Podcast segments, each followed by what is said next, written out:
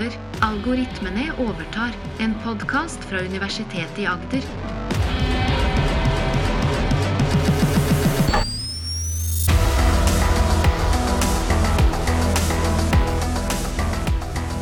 Du hører Maren og Morten snakke om kunstig intelligens. Du har jo vært mye i media i det siste, Morten. For, eh, for tida så er det mye debatt rundt ny eh, kunstig intelligens som har kommet. Det er mange protester mot kunstig intelligens, og det jeg har lært det siste, er at eh, veldig mange andre nå begynner å forstå den kraften og den kunstig intelligens-revolusjonen vi faktisk er inne i. For i mange år så har jeg og mange andre gått rundt og snakket om hvor fantastisk denne teknologien er, hvor mye den kan gjøre, og hvor intelligent den er. Men folk har ikke fått testet dette selv, og det har endret seg i 2022. Ja, for nå har vi jo faktisk fått lov til å gå inn og prøve å skrive med en chatbot som funker veldig, veldig bra. Og prøve å lage bilder selv, generere med GPT3. Helt riktig. Så bildene er da med Dali 2 og andre Nei, Dali 2. Herlig fred. Ja. Men navnet er, navnet er ikke så gode, vil jeg si, så det er GPT. Uh, Chat-GPT, eller CGPT som den kalles av det er Chatboten, ja. Det er chatboten. Og så er det Dali 2 som genererer bilder. Ja, og det er mange andre chatboter og det er mange andre bildegeneratorer, men det er de to som er mest kjente, og begge to kommer fra OpenAI-miljøet. Så, og det ikke så overraskende, egentlig, at når folk ser hvor smart denne faktisk er, hvor, eh, eh, hvor kanskje nervøs man blir for eh, jobben sin, og hvor eh, nervøs man blir for at dette skal brukes til juks, eller brukes til formål man ikke har lyst til at det skal brukes til. Mm. Og, og f.eks. det vitenskapelige magasinet Science hevdet at gjennombruddet med da de to og de andre generative algoritmene førte til at vi ikke lenger tenkte på kreativitet som noe unikt menneskelig. I mange år så er det sånn Datamaskiner kan ikke være kreative, men dette har de nå bevist at det kan de til, i hvert fall til en viss grad. Da. Ja, for de er jo ikke kreative helt alene. Du må jo skrive inn en tekst eh, til Dali 2 f.eks. For, for å få et bilde. Ja, du må skrive inn en tekst, men på de tidligere versjonene av disse diffusjonsmodellene så trengte du ikke å skrive en tekst. Så de, skrive en tekst er jo en nyvinning, for det, da bare laget den noe random. Ja. Hva som helst. Mm. Så, så, det at man må skrive inn, er jo en, en innovasjon, for det, da ja. kan man styre det litt. Og det, og, og, og det, med et veldig godt poeng, for dette er jo verktøy ikke sant, som vi skal bruke. Mm. Og hvordan er det vi best kan bruke de? Jo, ikke at den lager noe helt tilfeldig, men at den lager noe som vi har lyst til at den skal lage. Noe vi trenger eller at chatboten faktisk skriver noe som vi har lyst til at den skal skrive. Noe vi trenger. Ja.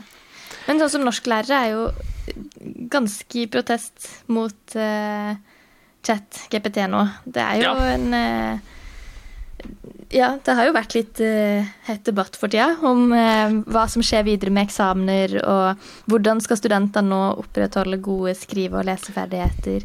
Ja. Ikke alle norsklærere protesterer, men f.eks. Landslaget for norskundervisning uh, er mm. en av de som protesterer. Jeg har sendt en, en, en bekymringsmelding til Stortinget, hvor de bl.a. skriver at elevene i større grad benytter seg av åpent tilgjengelig kunstig intelligens i egne skriftlige arbeider, og mener da at den teknologien truer befolkningens skrive- og leseferdigheter.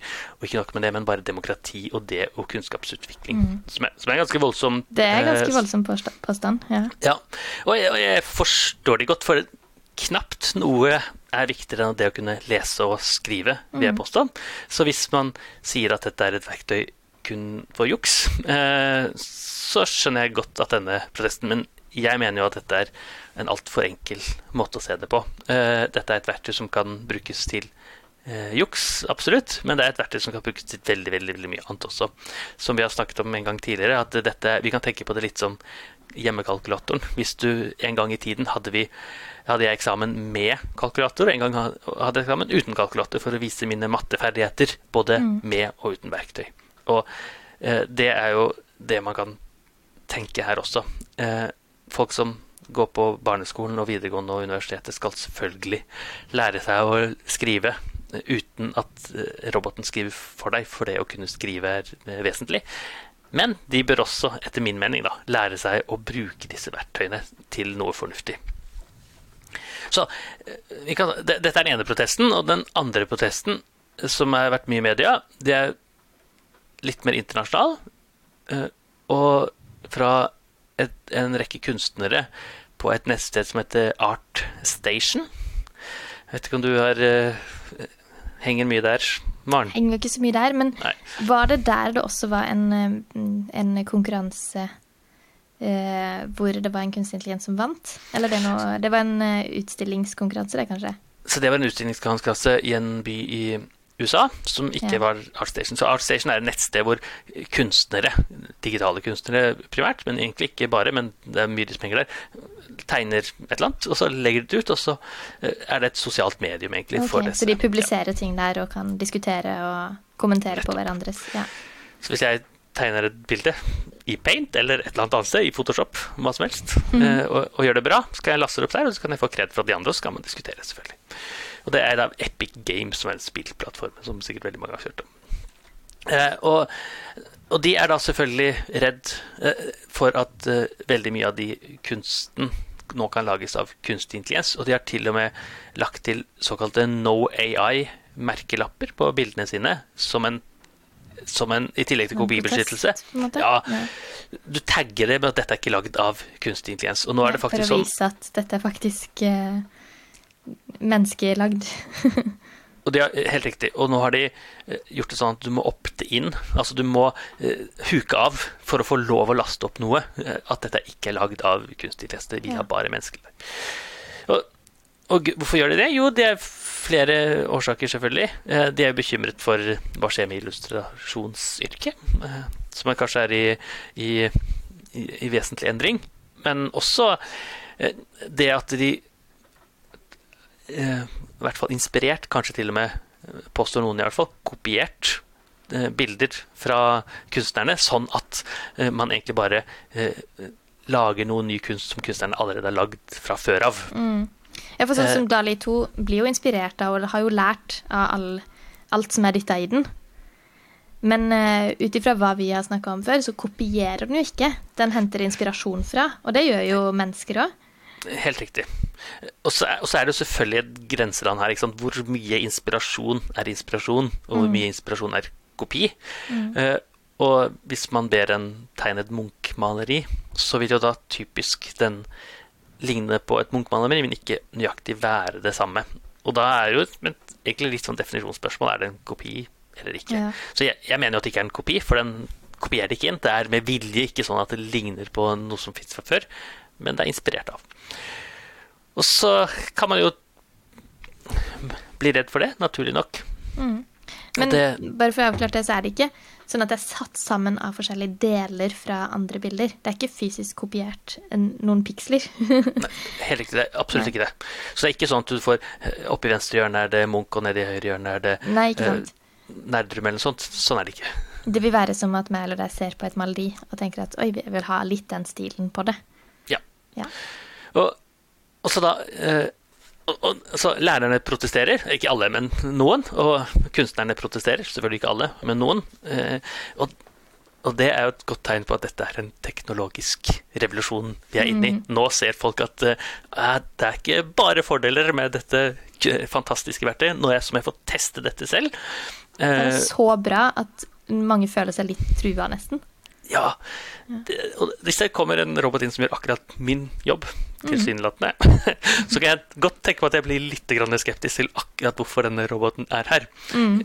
Og så skal det sies at lærerne gjør selvfølgelig veldig veldig, veldig mye mer enn å eh, rette norskstiller og sånt. Eller kunstnerne gjør veldig veldig mye mer enn å bare generere ny kunst. Men det er en del av jobben som er der. Mm.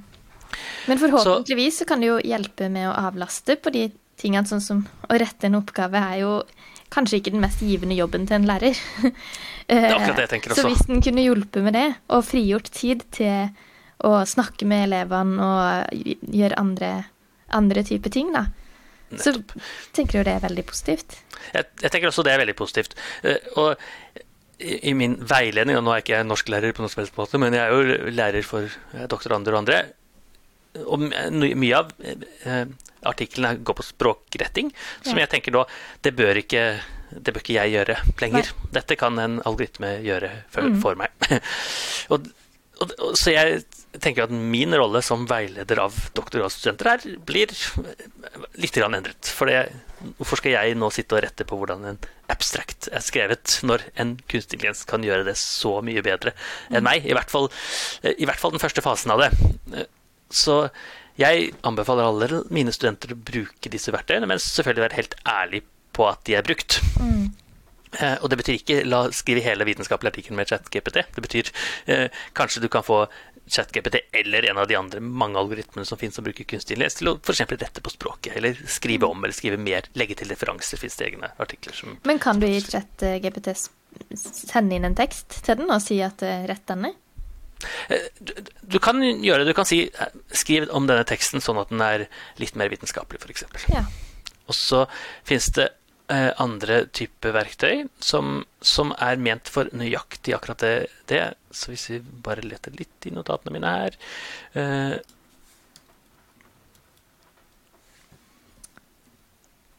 Så ja.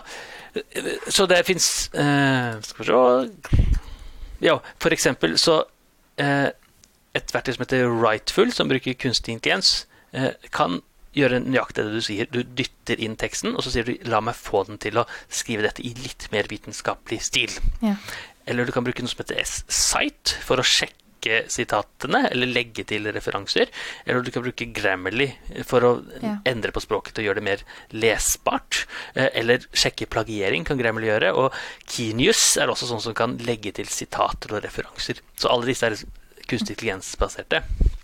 Som jeg mener da at, at uh, ungdomsskoleelever eller videregående skoleelever eller folk på universitetet bør lære seg å bruke. Det betyr ikke at man uh, skal ikke skrive på penn og papir og lære seg å skrive uten det, men det betyr at dette er også verktøy som man bør lære seg. Mm. For det så jeg kan jo godt skjønne at folk er svært bekymret for eh, skrive- og leseferdighetene. Eh, men, men, man kan også være bekymret for at teknologi ikke blir brukt av, av elever eh, overalt. Fordi disse teknologiene kommer til å være tilgjengelig for alle disse elevene i resten av deres levetid, på samme måte mm. som kalkulatoren er tilgjengelig for meg i hele min levetid. Eh, og når de da blir forfattere om eh, noen år, eller de blir skribenter for en nettside, eller de skal skrive en bloggpost, eller hva enn de skal gjøre, så fins ChatGPT eller tilsvarende algoritmer. Eller det fins type mm. verktøy som kan legge til referanser som gjør dette. Litt som at så. det er dumt å ikke bruke Word som skriveprogram når du får retting underveis?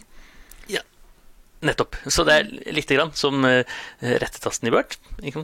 Hjelper bra. Uh, så hvorfor skal jeg drive og rette på språk uh, eller skrivefeil når rettetasten i Word gjør akkurat det? Mm.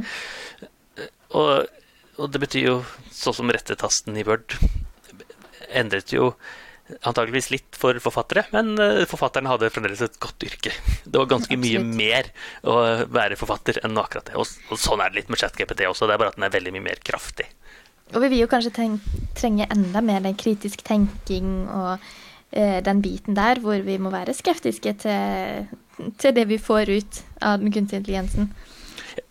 Så Den kritiske tenkningen er helt, helt klar. For det, det, som kommer til å skje nå, både med disse bildemetodene og teksten, er at det, man f.eks. Eh, kommer til å få mye mer bedre spam-e-poster, eller spam-messenger-meldinger og sånn. For mye av det som kommer av spam nå, er forferdelig dårlig. Mm. Mens hvis det står hvis, det, hvis jeg har tatt inn la oss si, din overskrift på Facebook, eller hvor som helst, så kan denne spam-meldingen være mye mye mer tilrettelagt for akkurat deg, og mm. virke, virke veldig mye bra. Bedre. Og dette kan jo kobles også til lyd generering, Whisper, som vi har snakket om flere ganger her, kan lage stemmer for akkurat hvem du måtte ønske. Mm. Nesten. Eh, og du kan da få en telefon snart med en chatbot som er virkelig, virkelig god og kan lure deg. Mm. Det betyr, men det betyr også at det, det å liksom holde en samtale med disse robotene, skriftlig eller muntlig, er liksom i ferd med å endre seg nå. Mm. Og antakeligvis kommer eh, de generative bildemetodene og chatbot-metodene til å knytte sammen. For det grensesnittet med å sitte og skrive inn i, i, i Dali 2 f.eks. er ganske dårlig, mens grensesnittet for å skrive til chatbot er mye bedre, for da kan du liksom få en sammenheng, og jeg vil ha litt mer farger, eller jeg vil ha litt mer et, et eller annet sånt som ikke, mm. som ikke Eller jeg vil gjerne ha en skrevet en tekst, men jeg vil gjerne skrive den litt lenger, jeg vil gjerne skrive litt kortere, gjøre den inn 200 ord. Sånn type ting. Og dette er fantastiske verktøy som vi må uh, hoppe på og være med, tenker jeg. Men det betyr jo mye, da, for eksamensformen f.eks. Ja, for hva er liksom planen nå på universitetet f.eks. videre? Er det ja, tenkt noe så, på eksamen uh, fremover der? Så her er det jo store vurderinger, men jeg vet at uh, Universitetet i Agder og sikkert de fleste andre universiteter ser jo på mulighetene for å uh, gjøre eksamen på en helt annen form. Og, så den typiske hjemmeeksamenen er nok antageligvis i endring, for det studenter kan i hermetegn jukse så lett. Så, så, det bør man eh, Man bør selvfølgelig si at du har ikke lov å bruke dette verktøyet i en sånn hjemmeeksamen på kort sikt, men på lang sikt så bør det jo heller kanskje være at man får lov å, får lov å bruke de. Og kanskje det er det ikke litt å gå motsatt vei òg, med å si at nei, nå er dette forbudt og dette forbudt, og dette kan du de, Alle kan jo bruke det i arbeidslivet eller i seinere. Og det er jo litt rart til en student å si at nei, dette må vi bare ikke forholde oss til, og ikke, ikke bruke på eksamen.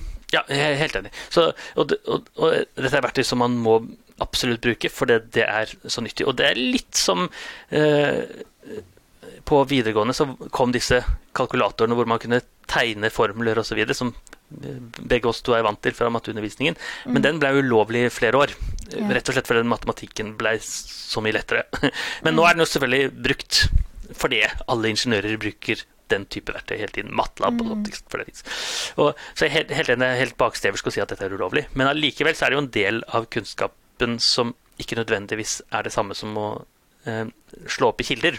og ha kilder. Eh, så muntlig eksamen kan jo f.eks. være en måte for å forstå har du, har du en viss kompetanse på dette området. Mm. Men tror du man vil se mer av den der klassiske skoleeksamen, sitte, pugge At man kanskje går litt for mye tilbake igjen til det òg?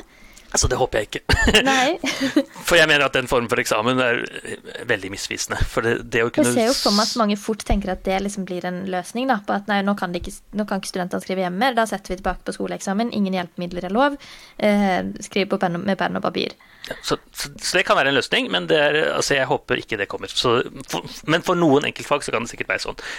Jeg tenker at det, ja, i sånne ren kunnskapsfag, da dette forstår du, så er det bedre eh, å ha f.eks. en muntlig eksamen, muntlig mm. utspørring, mm. eh, som har sine ulemper også. Folk blir fort nervøse, og det er ikke sikkert bare du, hva du presterer på disse 15 minuttene nødvendigvis representerer hva du har. Men man kunne f.eks. hatt en eh, rapport som gjerne kan være brukt med et eksternt verktøy, og en forklaring etterpå, f.eks. en utspørring av den.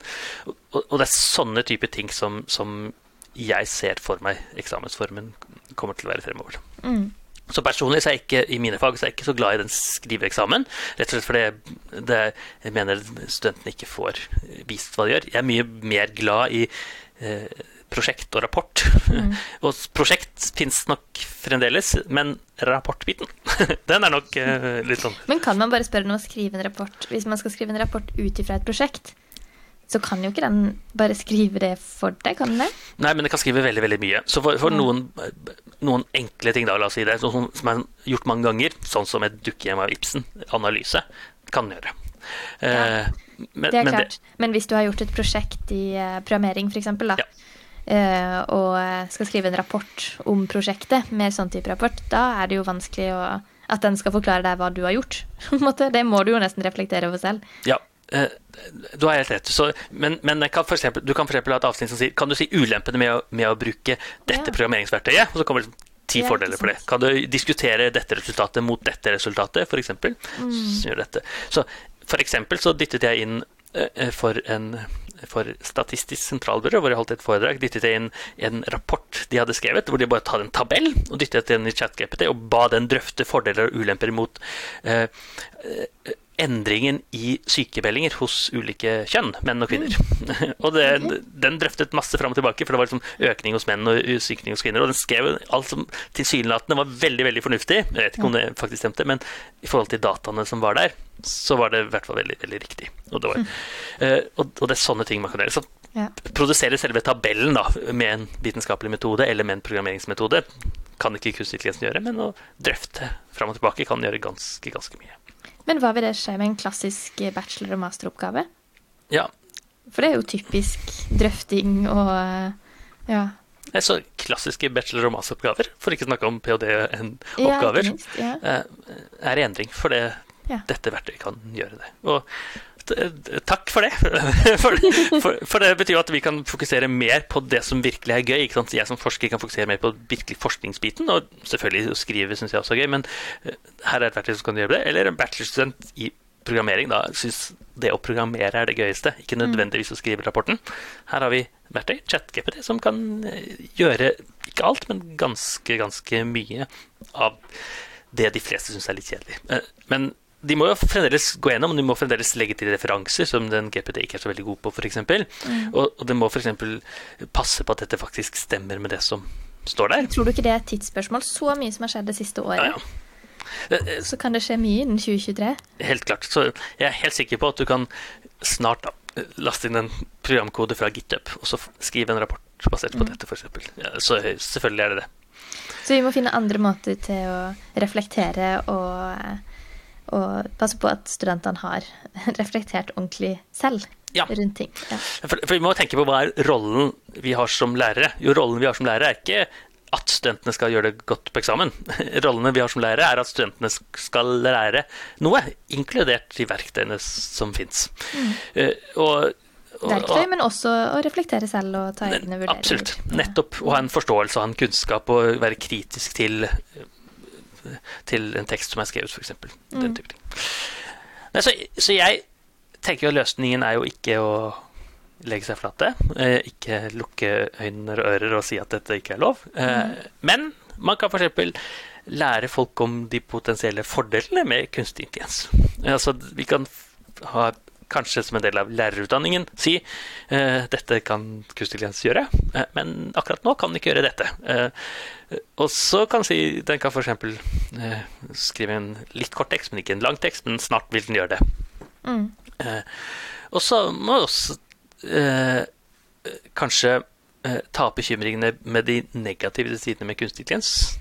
Man tenker bør være ærlig på dette og si at jo, det kan være dårlig for eh, skriveferdighetene hvis man bare bruker det hele tiden. På samme måte som matteferdighetene er dårlig hvis du hele tida taster inn gangtabellen på kalkulator. Eh, men også tegneferdighetene for en kunstner. Hvis du bare dytter dette inn i eh, Dali 2 eller Midnight Journey, så eh, er ikke sikkert du blir bedre kunstner. Du blir kanskje flinkere til å skrive sånne kunsttekster. Mm. Men eh, også fremme en kultur for åpenhet og ansvarlighet, og som sikrer at disse systemene er åpne og transparente, som de ikke er. Så ChatGPT eller eh, Dali 2 er jo veldig lukkede systemer eh, som vi egentlig har veldig veldig lite kontroll over.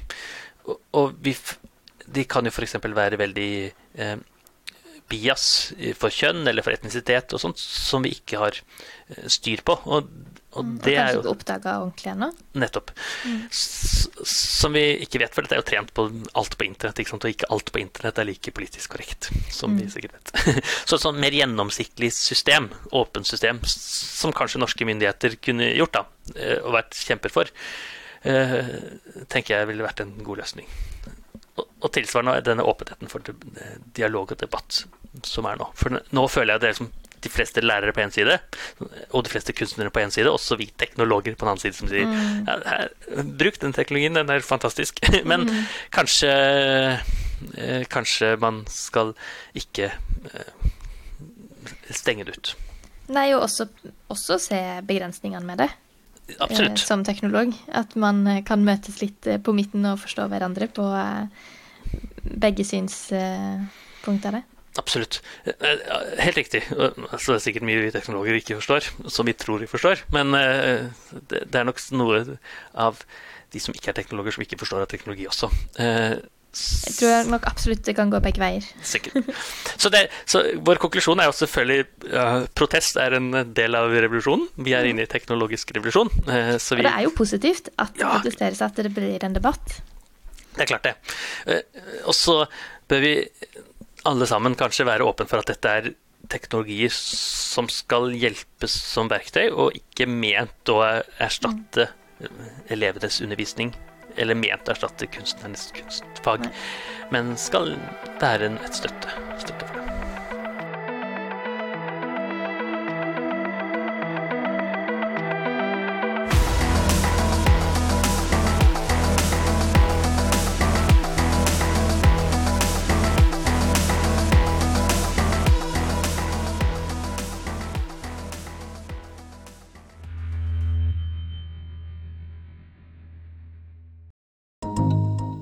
Universitetet i Agder.